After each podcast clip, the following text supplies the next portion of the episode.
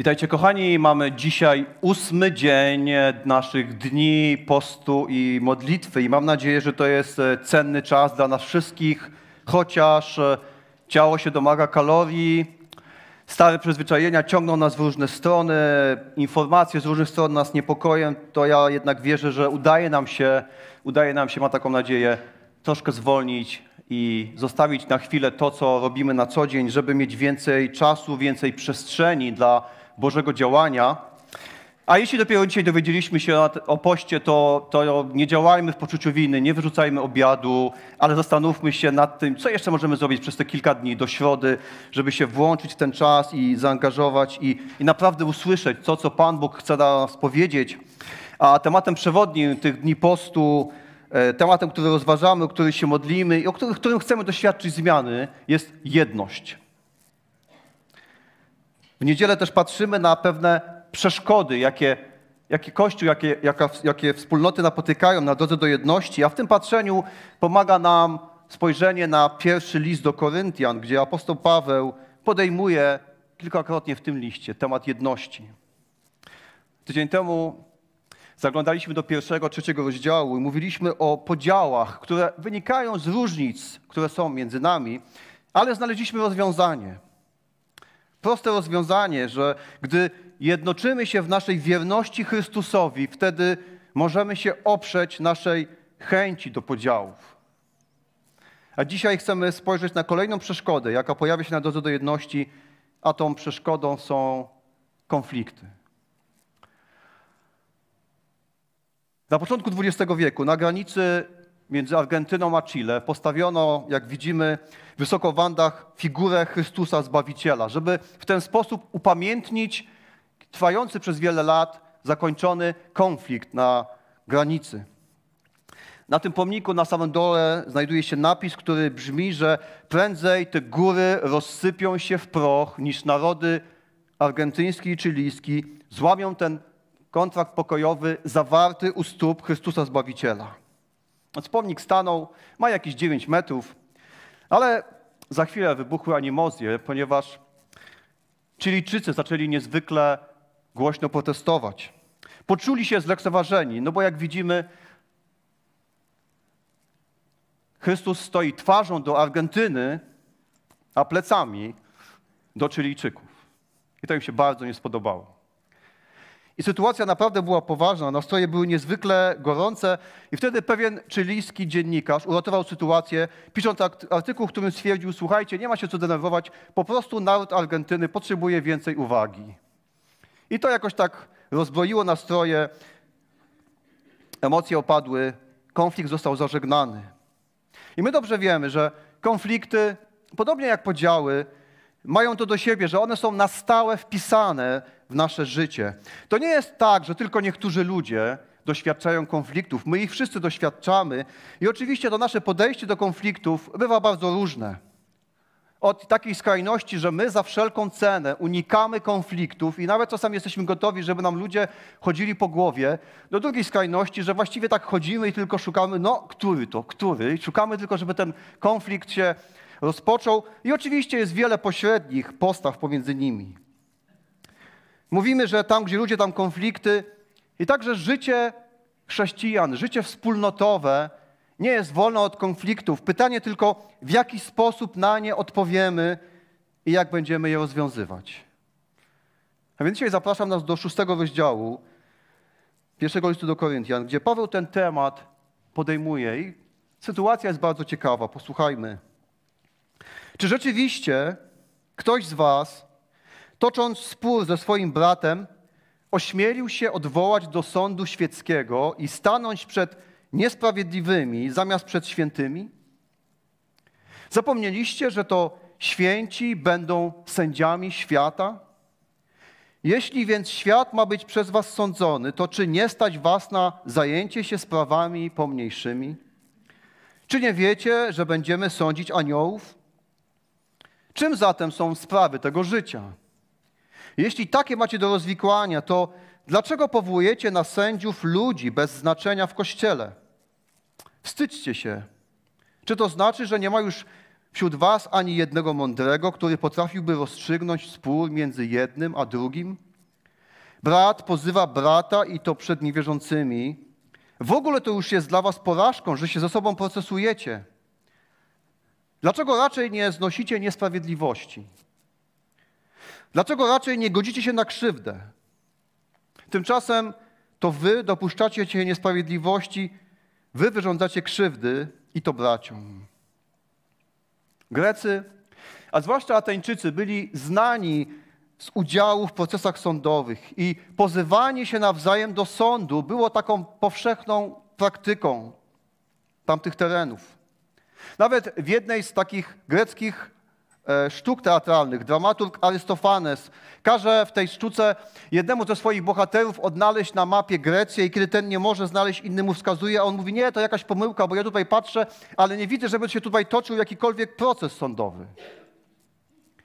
I wydaje się, że apostoł Paweł jest dość mocno zszokowany, że ta praktyka pozywania się do sądu ma miejsce w korynckim kościele.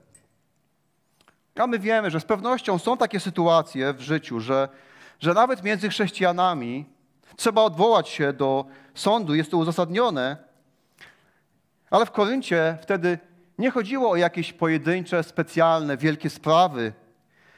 To była zwyczajna kwestia rutyny.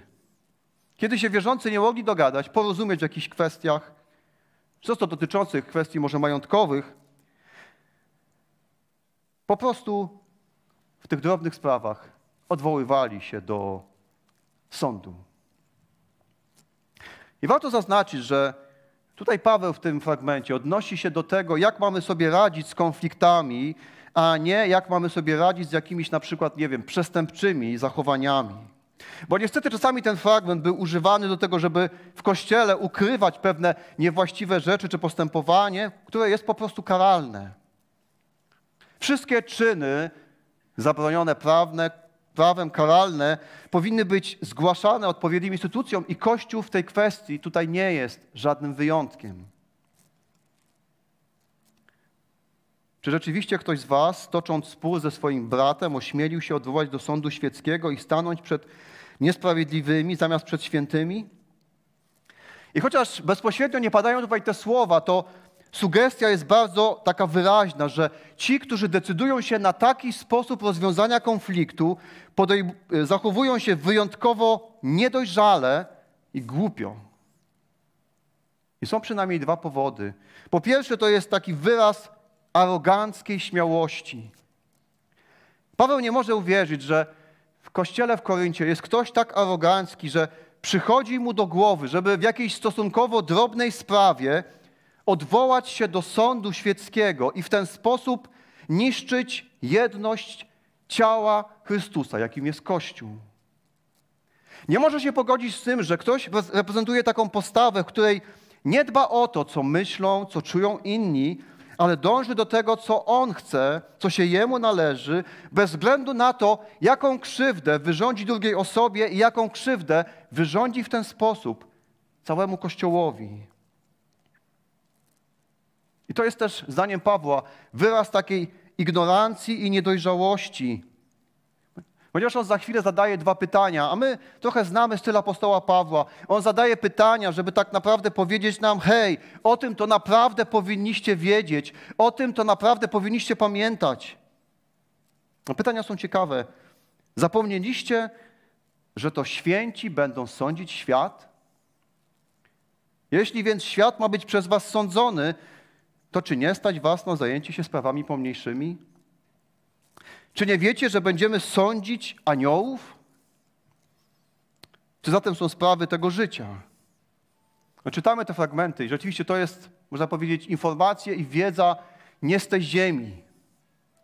Mamy sądzić świat, mamy sądzić aniołów, duchowe istoty, które, które mają ciała, funkcjonują. I tutaj z pewnością Paweł nawiązuje i do nauczania, i do słów Pana Jezusa, do nauczania innych apostołów. I oczywiście jest wielka dyskusja teologiczna na ten temat, co to tak naprawdę znaczy, jak to będzie wyglądać. I prawda jest taka, że niewiele mamy materiału na ten temat. W jaki sposób, ale w jakiś będziemy zaangażowani w to sprawowanie władzy i sądzenie Ale z drugiej strony, my wielokrotnie w Nowym Testamencie jesteśmy wzywani do tego, żeby we właściwy sposób oceniać swoje postępowanie, a też postępowanie swoich braci i sióstr w kościele. Pan Jezus potępiał niesprawiedliwe osądzanie, kiedy to osądzający sam najpierw powinien ocenić siebie, doświadczyć zmiany, a potem patrzeć na innych. Ale Pan Jezus nigdy nie zabraniał właściwej oceny i osądu. Wiecie, my często bierzemy te słowa, nie sądźcie, abyście byli sądzeni, ale Jezus tam właśnie mówi o niesprawiedliwym osądzaniu, ale nigdy nie negował właściwych, dobrych ocen. I do tego właśnie nawiązuje Paweł, że ponieważ mieszka w nas Duch Święty, ponieważ mamy jakby w sobie te dane przez Boga narzędzia, żeby osądzać swoje postępowanie nie w powierzchowny sposób, jak to czynią ludzkie sądy, ale możemy zajrzeć głębiej. Daleko głębiej poza poziom zachowania i czynów. Poprzez Boże Słowo, poprzez Ducha Świętego, poprzez innych wierzących, mamy czasami możliwość zajrzenia głębiej na ukryte pragnienia i motywy. I to jest właśnie część trwającego całe życie procesu stawania się osobą dojrzałą w wierze. Uczymy się schodzić głębiej, żeby rozpoznać, co jest słusznego, a co jest niewłaściwego w naszych pragnieniach, w naszych motywacjach, w naszych emocjach i w naszych uczuciach, które kierują nami. I ponieważ Paweł mówi, macie te narzędzia dane od Boga, z pewnością jesteście wystarczająco kompetentni, żeby ocenić i rozwiązać te sytuacje, które się dzieją między wami, bez odwoływania się do instytucji sądu. No bo w przyszłości będziecie musieli się zajmować trudnymi, ukrytymi, subtelnymi sprawami, jak sąd nad światem i aniołami.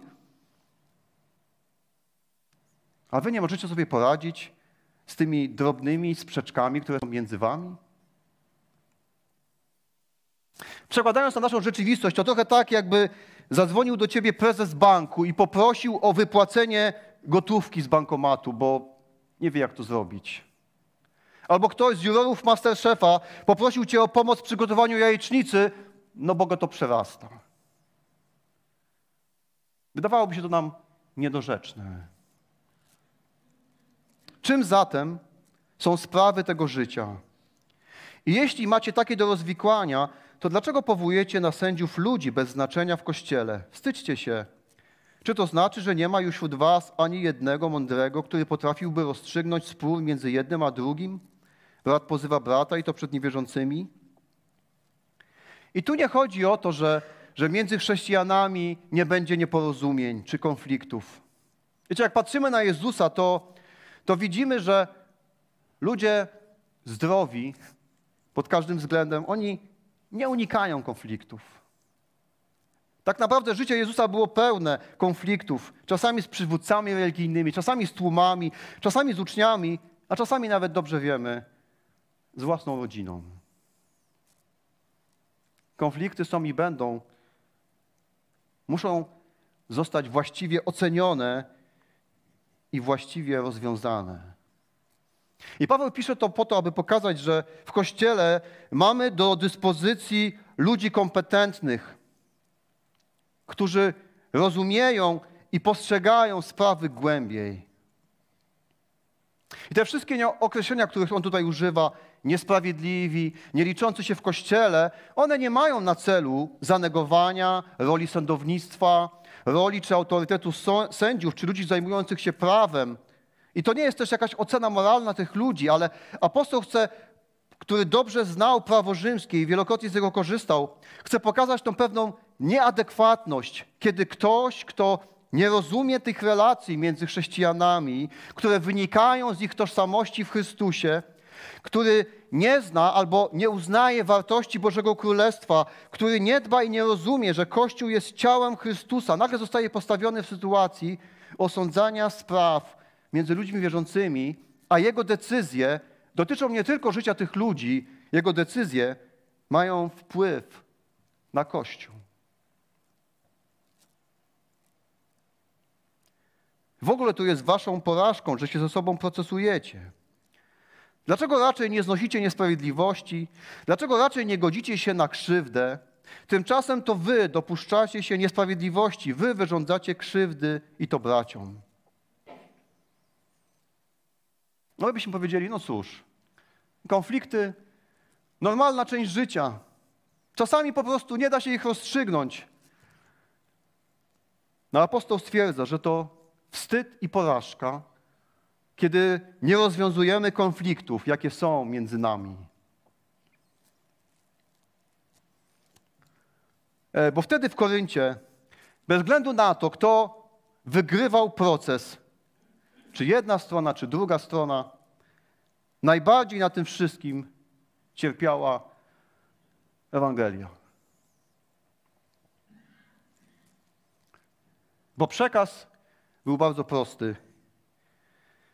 Wy, chrześcijanie, niczym się nie różnicie od nas i nie macie nic lepszego.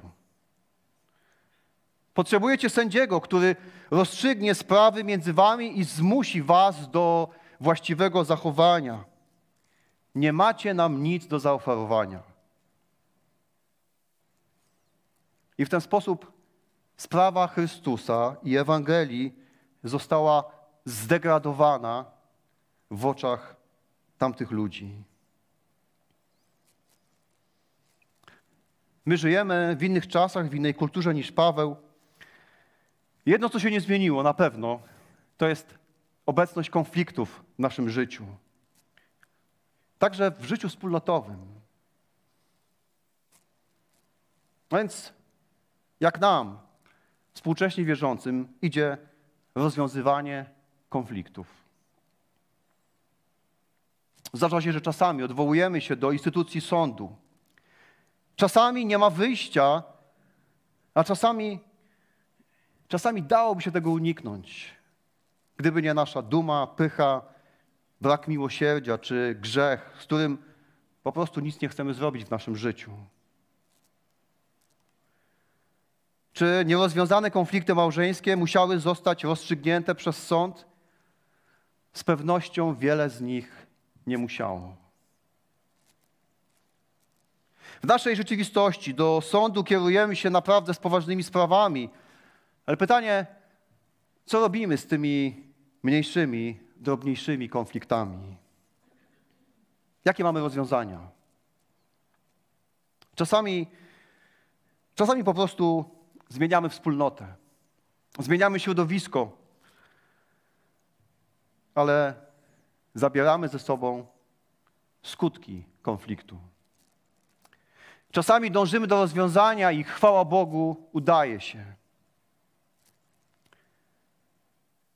Coraz częściej też zostawiamy konflikty nierozwiązane.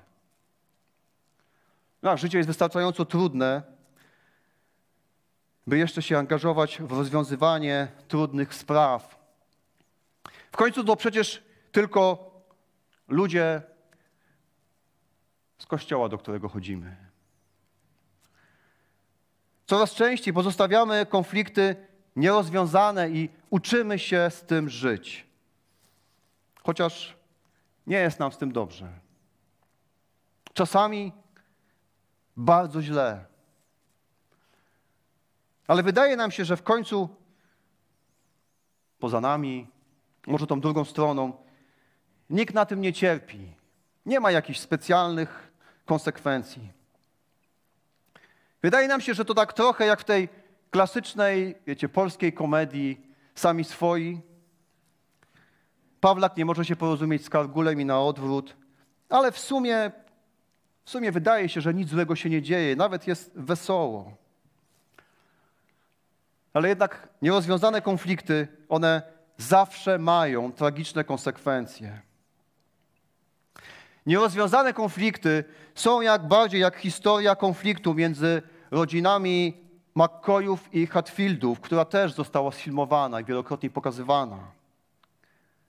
Prawdziwa historia, która wydarzyła się pod koniec XIX wieku, rozpoczęła się od jakiejś prostej sprzeczki, trwała 12 lat.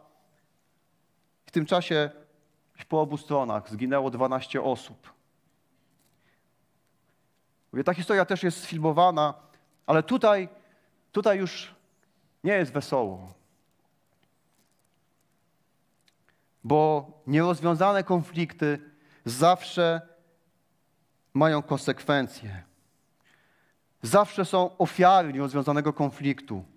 Zawsze cierpimy my i inni, a najbardziej cierpi na tym Kościół i Ewangelia. Kościół ma zadanie żyć i działać w jedności, by imię Chrystusa było znane i podziwiane.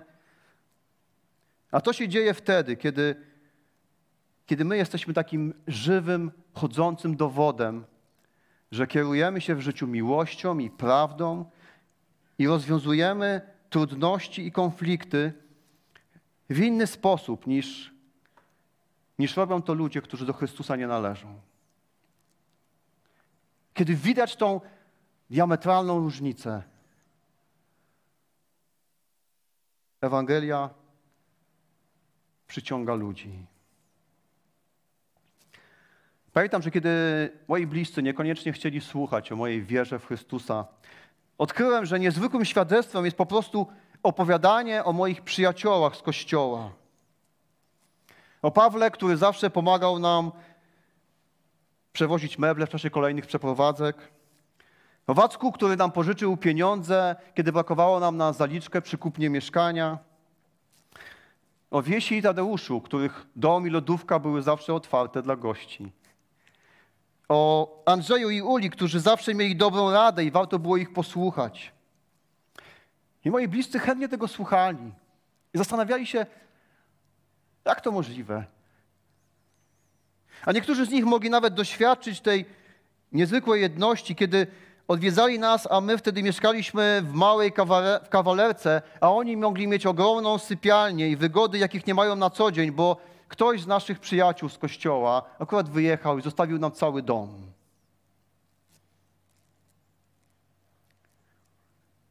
Kiedy żyjemy w jedności, kiedy wspieramy się nawzajem, mamy mnóstwo niezwykłych historii dotyczących naszego życia, naszych relacji.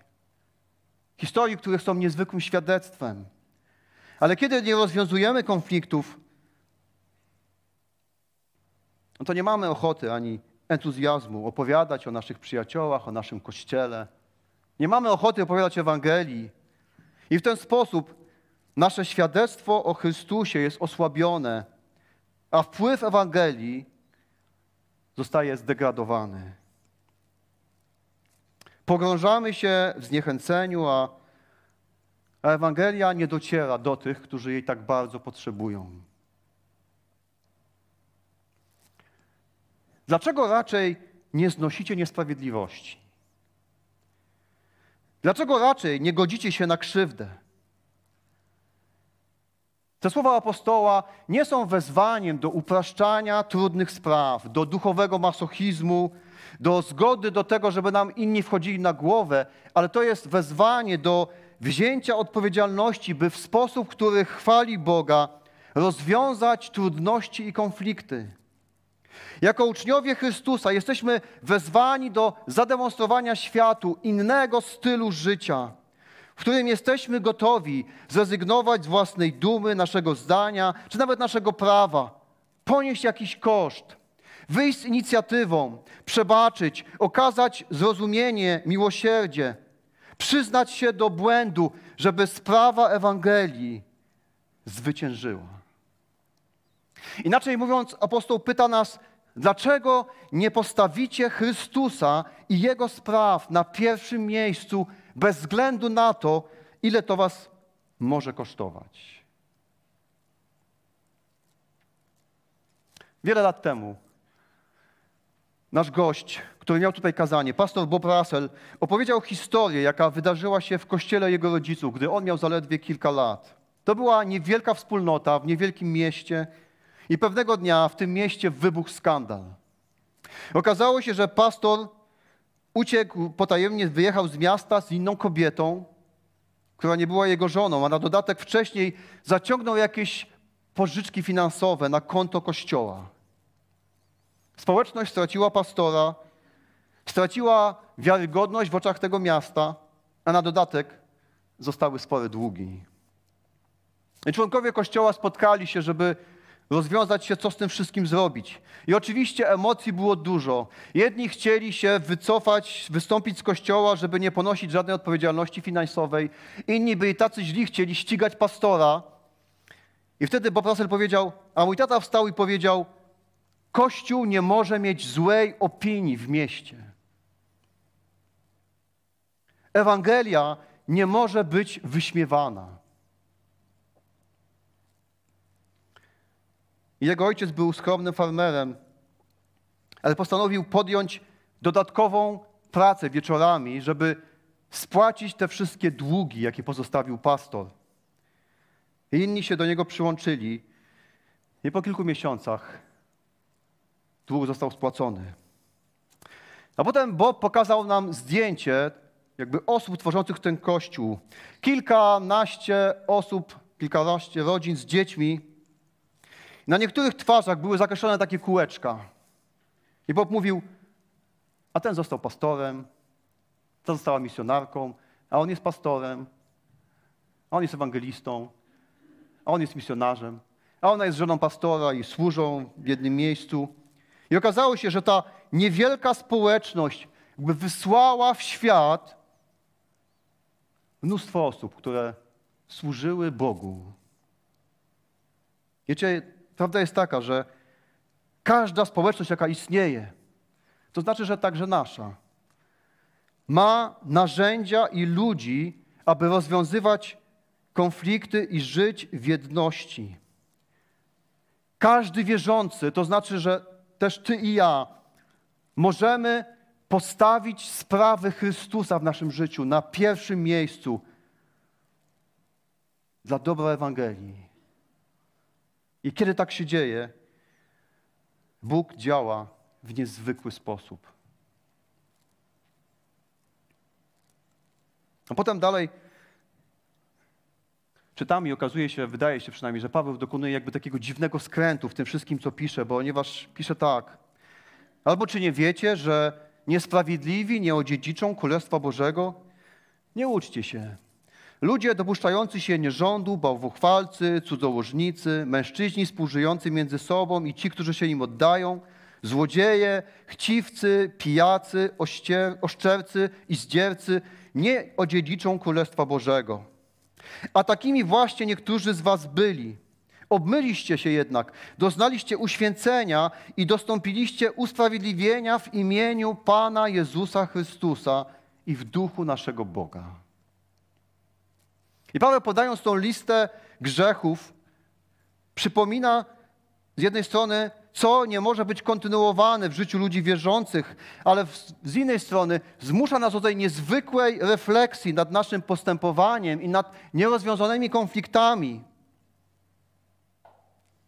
I do zadania sobie pytania, czy jeśli my w tych konfliktach postępujemy niemiłosiernie i niesprawiedliwie wobec swoich braci, czy my na pewno sami doświadczyliśmy usprawiedliwienia i miłosierdzia ze strony Boga?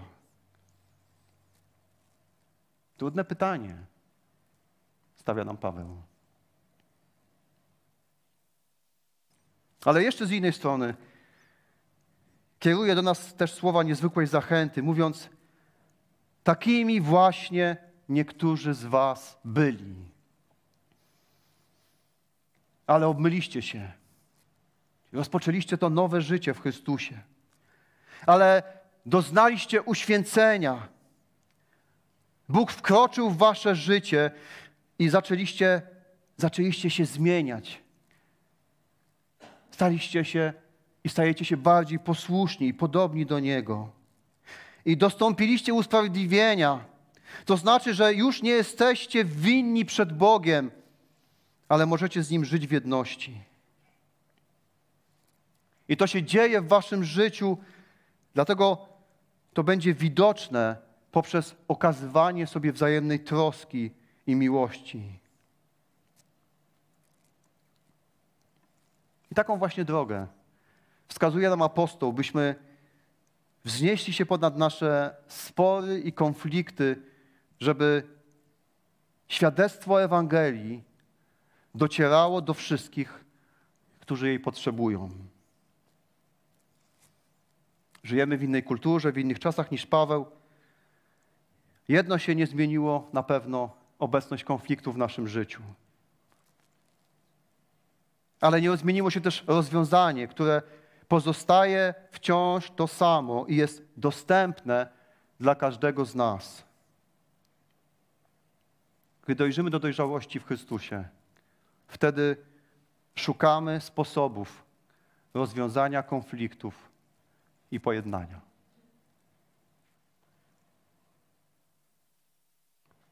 Powstańmy do modlitwy.